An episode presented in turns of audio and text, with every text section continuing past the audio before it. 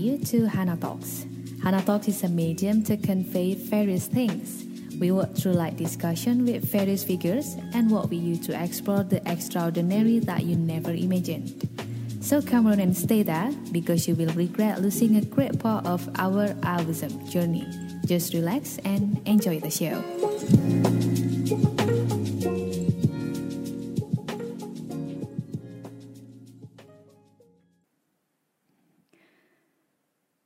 Oke, kita kembali ke Hana Talks dan sekarang kita masuk di pot kedua. Dan yang spesial kali ini adalah saya nggak sendiri, tapi saya ditemani oleh seorang perempuan yang luar biasa. Dia prestasinya banyak banget dan saat ini mempunyai gelar yang luar biasa, sudah cukup terkenal di Indonesia, yaitu menjadi rektor termuda di Indonesia. Semua udah tahu ya siapa. So please bergabung dengan kita Mbak Risa Santoso. Halo Mbak Risa, apa kabar? Halo Mbak Hana, gimana kabarnya? Baik, baik, baik. Alhamdulillah. Gimana nih krisis? Banyak yang berubah? Lumayan sih, kayak kita mau nggak mau harus adjust gitu ya. Jadi sekarang ini hebat banget juga sih. Hana Gemintang bikinnya udah radio talk show, sudah semuanya lewat HP aja langsung. Jadi ya harus kayak gini ya, mau nggak mau kita adjustment, kita sama-sama gimana caranya nyariin titik normal baru gitu deh. Iya benar. Jadi uh, the new normal gitu ya jadinya sekarang. Oh ya, kita ngobrol-ngobrol kan hari ini. Kita akan bahas tentang leading across generation team as millennial. Kayaknya Mbak Risa banget ya. Wah, iya semoga bisa jawab dengan bagus deh. Ekspektasinya terlalu tinggi takut nggak. Nggak ada tanya jawab kok di sini. Sharing-sharing. Ini ya, banyak. Nyantai, nyantai, Oke, ini banyak sih yang uh, bertanya-tanya ya. Jadi ini banyak sekali pertanyaan yang udah aku kolek dan saya rangkum jadi beberapa. Jadi yang pengen banget kita tahu sekarang itu perjalanan seorang Risa sampai bisa jadi rektor termuda di Indonesia. Cerita sedikit dong. Oke, ini kayaknya mungkin teman-teman yang udah bisa nge-google gitu ya kayak kayaknya banyak dulu sempat waktu uh, viral gitu banyak banget yang tanya ini. Uh, tapi kalau misalnya aku bisa ngerangkum dengan cepat itu um, banyak faktor di mana aku ngerasa aku tuh ngambil opportunity yang ada. Jadi kayak untuk nggak takut ngambil opportunity yang ada gitu. Jadi dari waktu aku dulu uh, S1 dulu waktu itu bingung mau kerja apa enggak waktu itu aku di Amerika Serikat. Terus mau nyariin kerja waktu itu susah banget buat orang internasional. Um, terus sebelum setahun sebelum lulus itu udah mulai nyari-nyari kan. Dan waktu itu akhirnya ada temen yang kayak suggest gimana kalau misalnya ngambil S2 gitu. Jadi waktu dari situ akhirnya aku ngambil S2, untungnya keterima. Setelah ngambil S2 di Harvard, um, waktu sebelum lulus juga waktu itu sempat ada ketemu sama beberapa delegasi-delegasi pemerintah dan waktu itu sempat ditawarin untuk uh, bergabung sama pemerintahan gitu. Dan waktu itu juga kayak sesuatu yang sebenarnya aku nggak expect bakal ngambil kan. Kayak dari pertama nggak ada pemikiran kalau misalnya mau masuk ke, pemerintahan gitu. Jadi waktu itu akhirnya aku di set untuk ngambil setelah ngambil di pemerintahan waktu itu di kantor staf presiden presiden selama satu setengah tahun habis selesai baru uh, setelahnya aku pergi uh, aku resign dan aku um, masuk ke dunia training dan uh, pengajaran di kampus gitu. Jadi banyak banget hal-hal yang terjadi itu aku ketemu dengan seseorang atau ketemu dengan sebuah opportunity uh, dan akhirnya mencoba untuk mengambil opportunity tersebut gitu. Dan ini ya sama seperti waktu aku udah di kampus bareng sama Institut Asia juga. Jadi waktu itu nggak ada tujuan mau jadi rektor gitu. Kayak nggak ada uh, apa ya? Apa ya Mbak Hana? Nggak ada bener-bener kepikiran gitu sama ya? sekali gitu ya Iya, bu, tujuannya bukan untuk menjadi rektor gitu. Okay. Tapi pas memang waktu itu sempat ada ada kesempatan di mana kita ada perguruan tingginya gabung. Jadi dulu sebelumnya ini di bawah satu yayasan ada dua perguruan tinggi yang terpisah. Oh. Jadi statusnya itu apa ya sekolah tinggi setelah sekolah statusnya tinggi, sekolah tinggi. Okay. Ya, lalu mereka uh, bergabung jadi institut. Jadi dia ngeluarin uh, Dikti ngeluarin izin untuk mempersatukan jadi institut. Nah, waktu itu um, akhirnya mereka nyariin kandidat rektor dan akhirnya waktu itu juga ya pas saya ketemu dengan opportunity tersebut gitu. Jadi banyak banget uh, apa ya kesempatan-kesempatan yang keluar yang tidak disangka tapi akhirnya aku nyoba untuk ngambil mungkin gitu sih keren banget Kalo, ini milenial banget ya opportunity harus diambil gitu ya iya nggak disangka-sangka kayaknya yang lebih milenial tuh kayak nggak di plan tapi terjadi gitu iya dan bisa mengatasi semua seluk beluk dan apa pun yang terjadi di situ gitu kali ya Waduh, ya berusaha sebaik mungkin dan semaksimal mungkin untuk mengatasi gimana. Keren gimana lagi gak ada cara lain. Jadi sedikit cerita, saya kenal Mbak Risa ini mulai 2016 ya kalau nggak salah.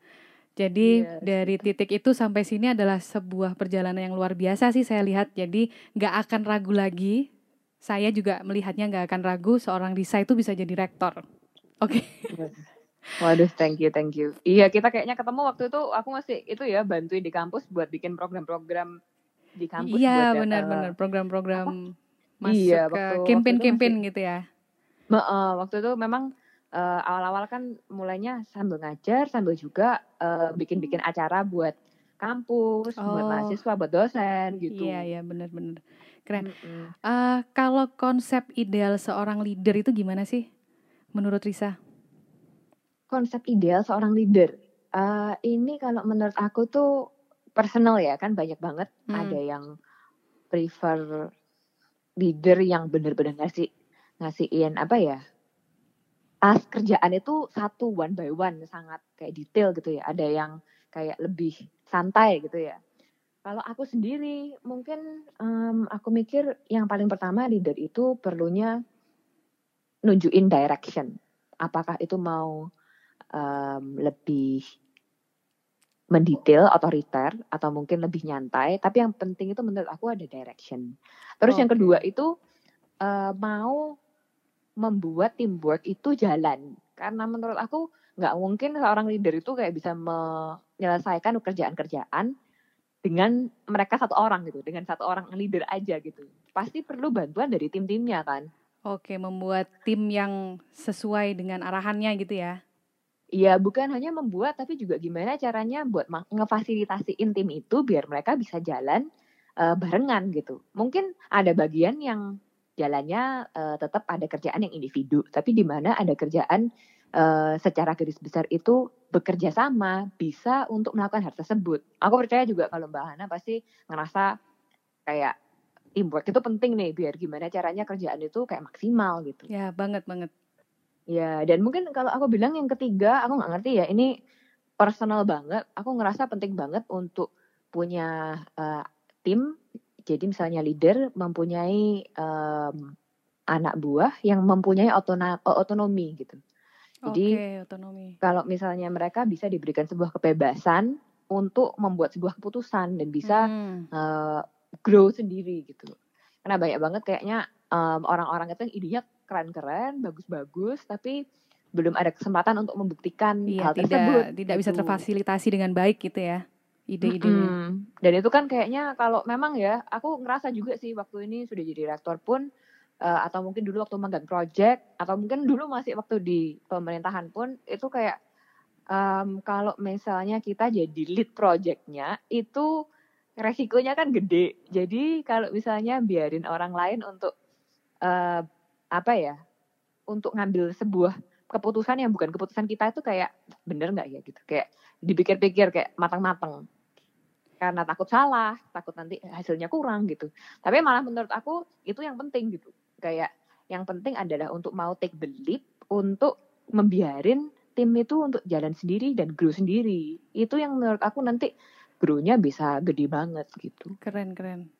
Iya iya ya nah ngomongin tim nih. Pasti di Asia itu cross generationnya tinggi banget ya. Iya lumayan. lumayan. Oke. Okay.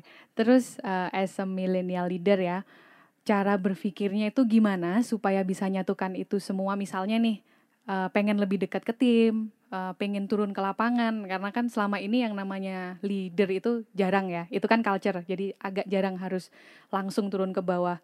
Nah ini kan perubahan culture yang sangat signifikan kita pengen tahu gimana Mbak Risa ini melakukan pendekatan ke timnya.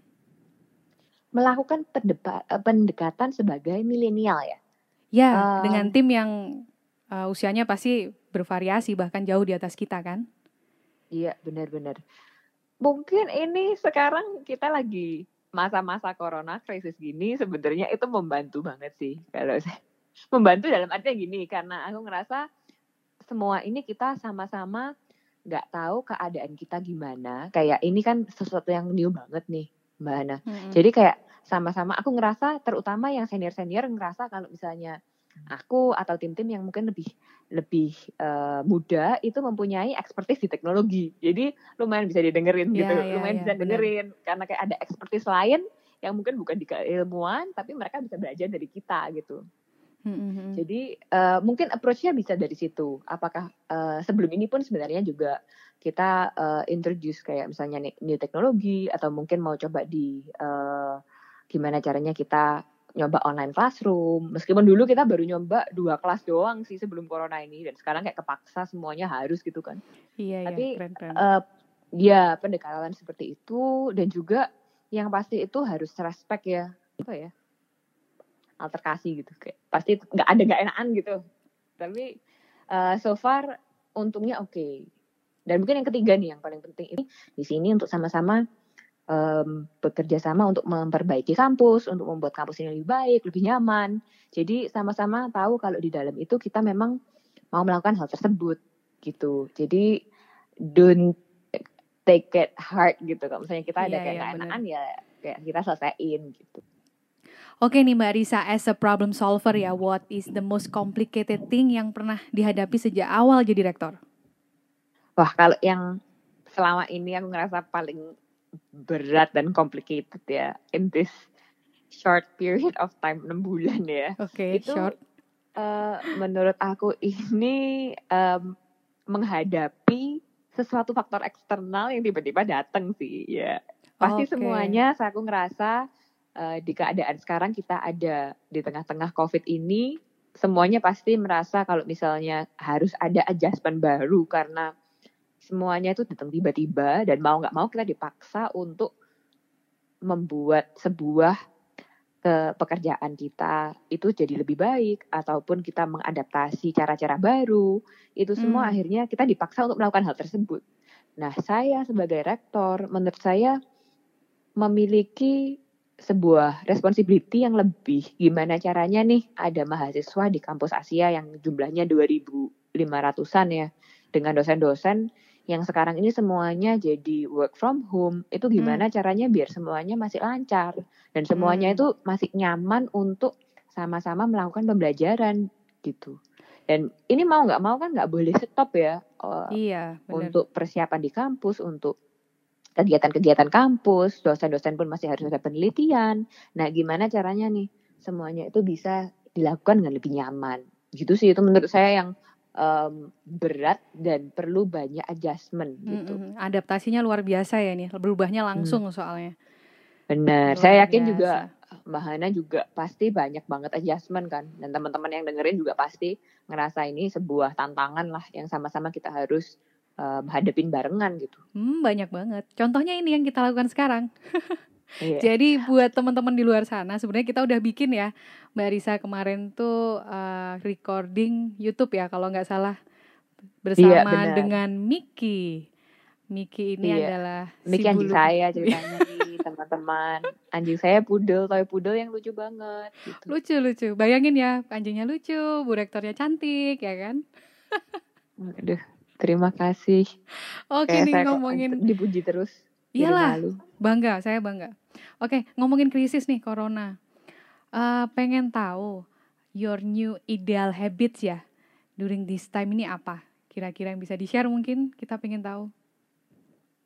New ideal habit itu menurut saya gimana caranya kita, aku ya, ini secara personal itu bisa menemukan, bisa bukan menemukan sih, membuat sebuah tempat yang nyaman gitu di Hmm. rumah. Em, kalau misalnya mau bilang habit, itu gimana caranya eh, pagi-pagi itu udah siap-siap dan bisa paling enggak itu ready untuk beraktivitas. Terutama kayak sekarang ini kan kita em, di rumah terus, nggak keluar, itu kayak gampang banget untuk kita ini udah di atas ranjang terus gitu. Ya, ya gravitasinya tinggi emang. Gravitasinya susah nih buat di di apa ya Ditolak. dilawan. Bener, kalau bener bisa ya banget. tidur itu. Harus tidur apa kalau nggak nyantai tapi akhirnya kayak nggak serius kan jadi menurut aku itu sih awal-awal gimana caranya ready jadi eh, kadang ada exercise tapi sekarang exercise lebih di sore-sore sih kalau misalnya aku sendiri terus yang habit yang aku terus lakuin itu sebenarnya itu ada honest learning yang dulu aku pernah sharing sama Mbak Hana nggak sih Iya, iya 100 days itu ya. Iya, jadi ceritanya nih sebelum COVID sebenarnya dimulai. Tapi karena sekarang ini pas di tengah-tengah ada COVID, jadi terus-terusan dan untungnya setiap hari lumayan konsisten untuk ngepost sebuah learning yang aku lak yang aku dapatkan di hari itu. Apakah itu mungkin sebuah insight baru, apa mungkin waktu aku lagi refleksi back to sebelum-sebelumnya. Hmm. Itu dibuat sebuah learning dan aku post di Instagram gitu. Hmm. Jadi eh, menurut aku sih itu juga menambah sebuah apa ya sebuah kesadaran tersendiri lah. Oh berarti hari ini juga aku what did I learn gitu, what did I get. Iya, ya, ada Seperti evaluasi itu. setiap hari gitu ya. Dan Iya. ada pembelajaran Jadi kalau setiap hari. Mbak Hana atau teman-teman mau ikut boleh juga loh. Iya, aku tuh sejujurnya menunggu sih setiap saat, tapi kadang Mbak Risa juga ngepostnya malam gitu ya. So- Iya, jadi terpaksa kan ini kayak Instagram itu kenapa di-post di Instagram itu kan em, biar ada accountability partner.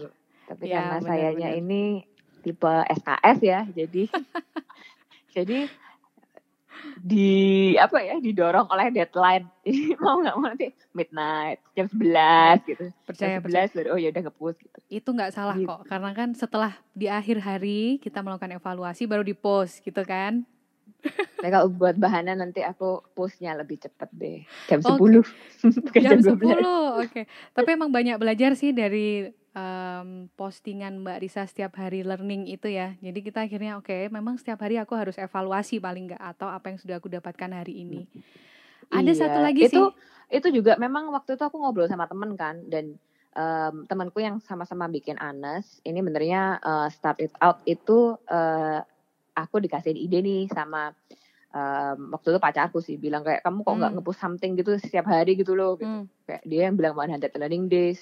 Nah terus abis gitu em, aku sama temanku yang bikin Here Anes itu kita mikir kayak benernya learning kan bisa happen anywhere gitu nih mbak. mm-mm. Jadi kenapa kok kita nggak nge-share um, apa mungkin itu something really small itu kayak nggak apa-apa. Itu kayak kita ngerasa bakal create sebuah uh, meaning dan kayak apa ya ke rasa nyaman baru gitu, rasa um, happy baru, puas kepuasan baru Mm-mm, mm-mm.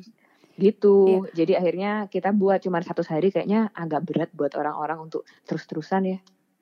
Iya, iya. Jadi Aku Iya. baca eh, teman-teman Anes bikin yang tujuh harian ya kalau nggak salah ya. Dan jujur aku pengen ikut sih dan teman-teman di sini juga sering melihat dulu karena kita mungkin tidak sekeren Mbak Risa gitu ya. oh enggak sih. Itu itu itu mitos-mitos. Oh, mitos yang harus di, di dihilangkan sebenarnya. Ini mitos yang beneran kayaknya kalau yang ini. Oh enggak enggak itu itu enggak benar itu. Soalnya learningku pun aku sebenarnya pertama-tama itu maksa, kayak maksa diri sendiri untuk nulis gitu. Dan aku ngerasa kayak eh tulisanku gak sebagus itu gitu loh. Jadi kayak aduh aku nulisnya gimana ya gitu. Kayak self conscious. Tapi setelah lama baru kayak kerasa baru jadi lebih natural natural gitu loh. Hmm, lebih nyaman ya menulis, Iya. menceritakan Lebih apa pun. nyaman. Dan itu sangat menginspirasi sih. Banyak teman-teman kita juga menunggu dan bela- belajar banyak dari tulisan-tulisan Mbak Risa dan teman-teman yang di-repost sama Mbak Risa. Waduh, terima kasih. Saya jadi senang banget. Oke, saya tunggu tujuh harinya. Memang yang short challenge aja buat teman-teman di Hana Oke, Diminta. aku coba ya, aku Nanti coba. Saya Oke. repost repost. Siap.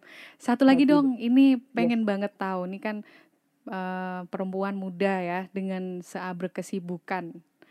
Aku pengen tahu gimana cara bagi waktu dan aku yakin ya, sepertinya Mbak Risa nggak mungkin bisa melakukan semuanya sendiri selain ada tim. Ini apakah ada yang bantu? Ini arahnya udah tahu ya Mbak Risa ke mana ya? Iya. Ada nggak sih yang bantu itu siapa gitu? Oh gitu. Jadi wah ini kayak pertanyaannya menjurus banget. Saya jadi gini nih teman-teman. Jadi ceritanya em, aku kan waktu itu sempat ada personal assistant.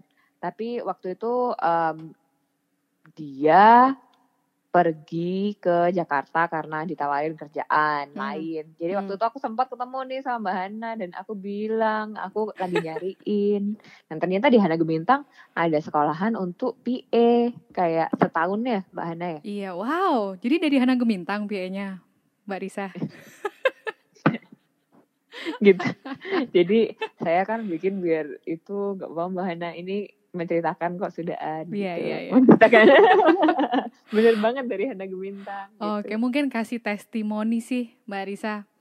PA ini Iya. bisa apa aja, terus lulusan dari Hana Gemintang nih eh, bagus nggak gitu buat Mbak Risa secara personal?